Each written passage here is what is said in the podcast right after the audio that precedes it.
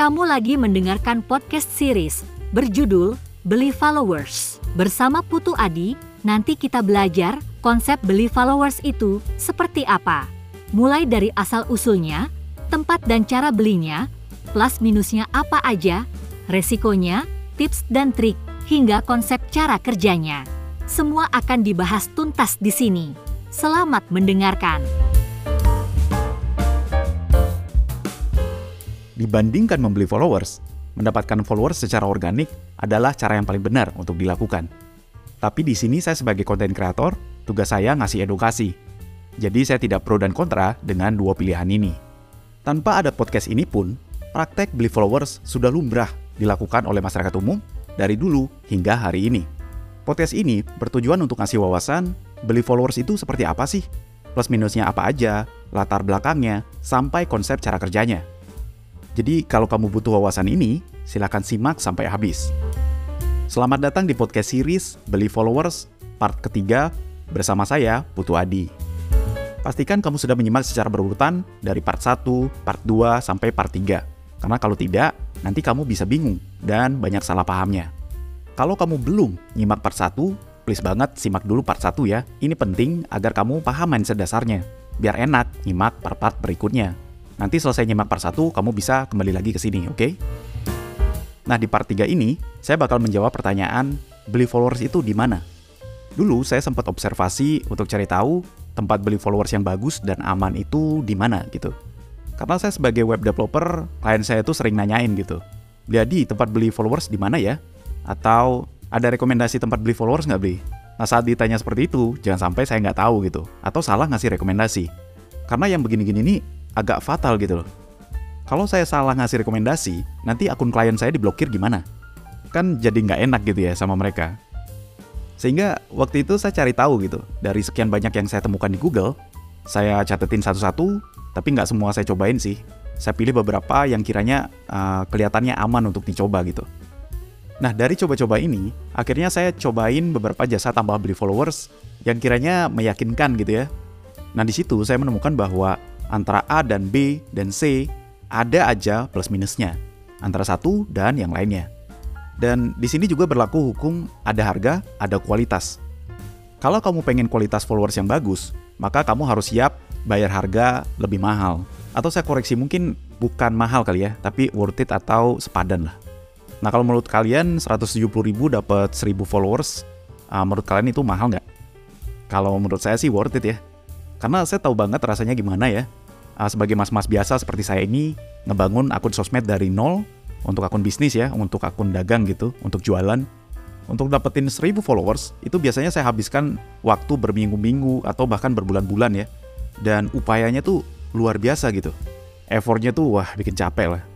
Jadi kalau waktu, tenaga, dan pikiran selama berminggu-minggu itu bisa saya tukerin dengan 170 ribu gitu ya untuk 1000 followers, kalau saya sih lebih rela kehilangan uang 170 ribu itu sih, dibandingkan saya harus kehilangan waktu dan tenaga saya selama beberapa minggu ke depan. Nah mungkin ada yang nanya gitu ya, emang followers yang bagus itu kisaran harganya berapa?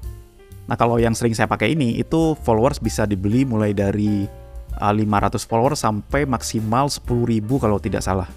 Nah 500 followers itu harganya 100 ribu, kemudian 1000 followers itu harganya 170 ribu.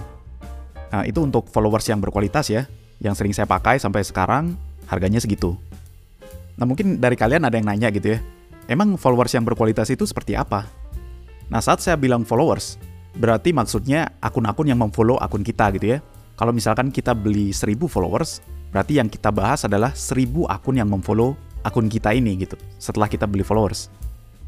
Nah, followers yang kualitasnya bagus, itu ciri-cirinya nama profilnya itu pakai nama manusia gitu ya, bukan huruf dan angka acak gitu. Jadi dia ada profil picture-nya, kemudian ada minimal tiga postingan di feed-nya gitu ya. Kemudian ya jadi kayak akun asli aja gitu. Mungkin dari kalian ada yang bingung gitu ya, maksudnya pakai nama manusia ini apa gitu ya. Nah jadi dari 1000 followers yang kita beli, nama-nama akunnya itu pakai nama asli manusia gitu ya, seperti misalkan uh, Mega Putri gitu ya, uh, Bambang Santoso, uh, Joko Parjoko, Putu Adi gitu ya. Nah itu yang saya sebut nama manusia gitu. Dan sekali akun tersebut memfollow kita, dia akan terus memfollow gitu, sifatnya permanen. Jumlahnya tidak berkurang. Ya, ada sih berkurang 1-2 biji gitu ya. Tapi itu sangat wajar. Nanti saya akan jelaskan juga kenapa ini bisa berkurang dan 1-2 biji ini normal lah, wajar gitu.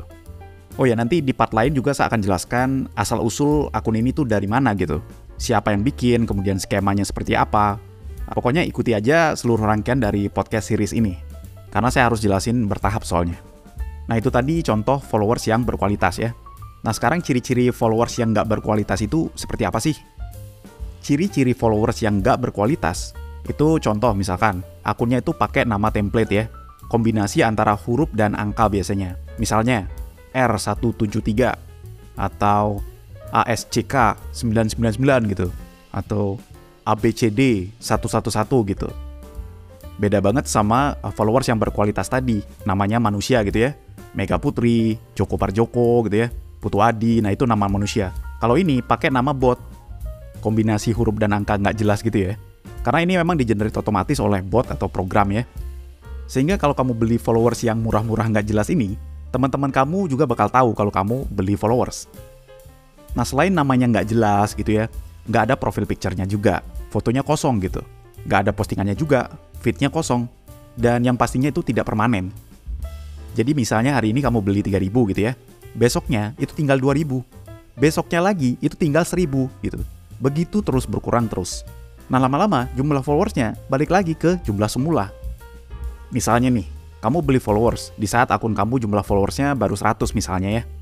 Nah, lama-lama dari 5000 followers yang kamu beli misalnya, setelah seminggu kemudian, followersnya balik lagi ke 100. Nah biasanya jasa followers yang nggak bagus kualitasnya ini, itu dijual murah banget. Banyak dijual di marketplace juga. Kisaran harganya itu, itu murah banget ya, mulai dari 30 ribuan gitu. Udah dapat ribuan followers. Kalau saya sih udah kapok ya beli followers yang murah-murah itu. Kalau sekarang sih mending yang pasti-pasti aja lah. Aduh, jangan lagi deh. Saya sampai trauma loh. Karena saya dulu punya pengalaman ya.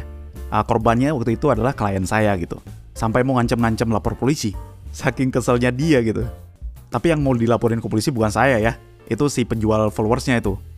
Jadi setelah doi beli website di saya gitu ya, udah serah terima, saya nggak tahu di mana dia beli followers, akhirnya bermasalah gitu. Dan curhatnya ke saya gitu. Nah karena klien saya ini punya temen atau saudara gitu ya yang polisi gitu. Akhirnya ngadulah dia ke sana gitu, ke polisi itu. Nah itulah yang men-trigger saya akhirnya, wah ini saya harus cari tahu tentang followers nih karena nanti besok-besok kalau saya ditanya sama klien salah ngasih rekomendasi ini bisa bahaya gitu. Nah mulai dari situlah saya akhirnya belajar dan akhirnya mengerti aturan mainnya seperti apa, tempat beli followers yang aman di mana. Tapi intinya menurut saya itu begini, untuk kamu yang pengen beli followers untuk akun usaha gitu ya, yang akunnya itu kamu pelihara banget, kamu jaga banget. Apalagi yang nama URL-nya itu udah unik banget ya, selaras sama nama brand kamu. Misalnya usaha kamu namanya cucisepatu.id, misalnya gitu ya. Semuanya udah seragam tuh ya. Mulai dari nama websitenya, nama URL-nya itu cucisepatu.id gitu ya, sampai ID sosmednya. Instagram, Facebook, TikTok, Twitter, YouTube, URL atau ID-nya itu udah sama semuanya gitu. Cuci sepatu.id. Nah, untuk akun sosmed yang kamu pelihara banget, kamu jaga banget, jangan sembarangan beli followers. Takutnya akun kamu terblokir. Kan sayang.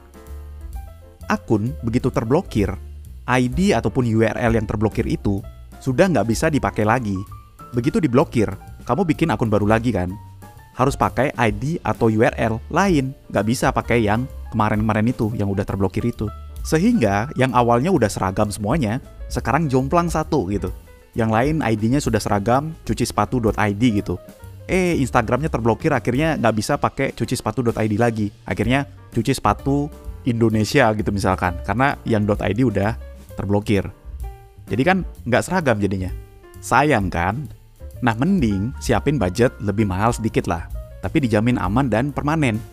Nah kembali lagi ke pertanyaan tadi, beli followers di mana? Dari sekian kali nyoba, saya akhirnya ketemu tempat beli followers yang menurut saya sesuai sama kebutuhan dan ekspektasi saya lah ya. Soalnya saya emang butuh layanan tambah followers yang spesifik gitu. Spesifik seperti apa? Misalnya harga udah worth it lah ya, layanan juga udah oke okay gitu. Nah ini yang penting. Selain followers yang berkualitas dan permanen, ada satu hal yang belum saya temukan di tempat lain, di mana proses penambahan followersnya itu dilakukan secara perlahan sedikit demi sedikit setiap harinya, terjadwal gitu. Dengan cara kerja seperti ini, di mata algoritma terkesan kayak followers itu bertambah secara organik gitu, sehingga sulit terdeteksi sebagai pelanggaran.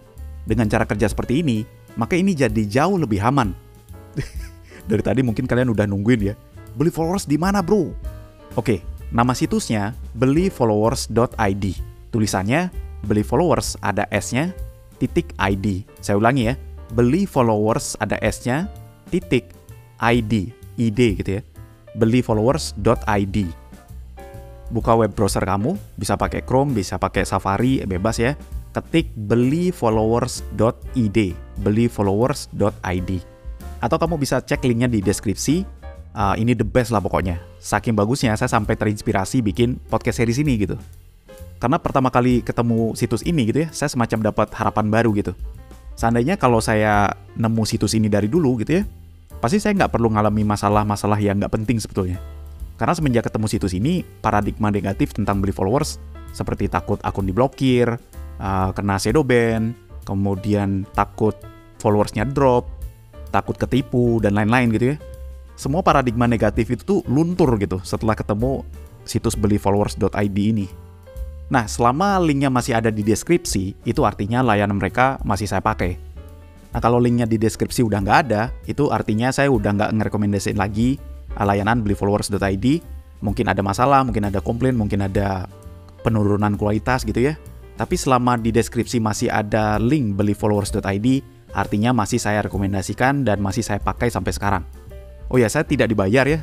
Saya tidak disponsori juga.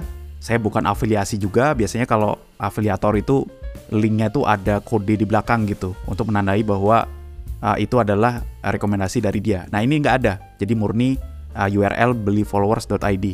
Jadi saya tidak disponsori, saya bukan afiliator, bukan afiliasi.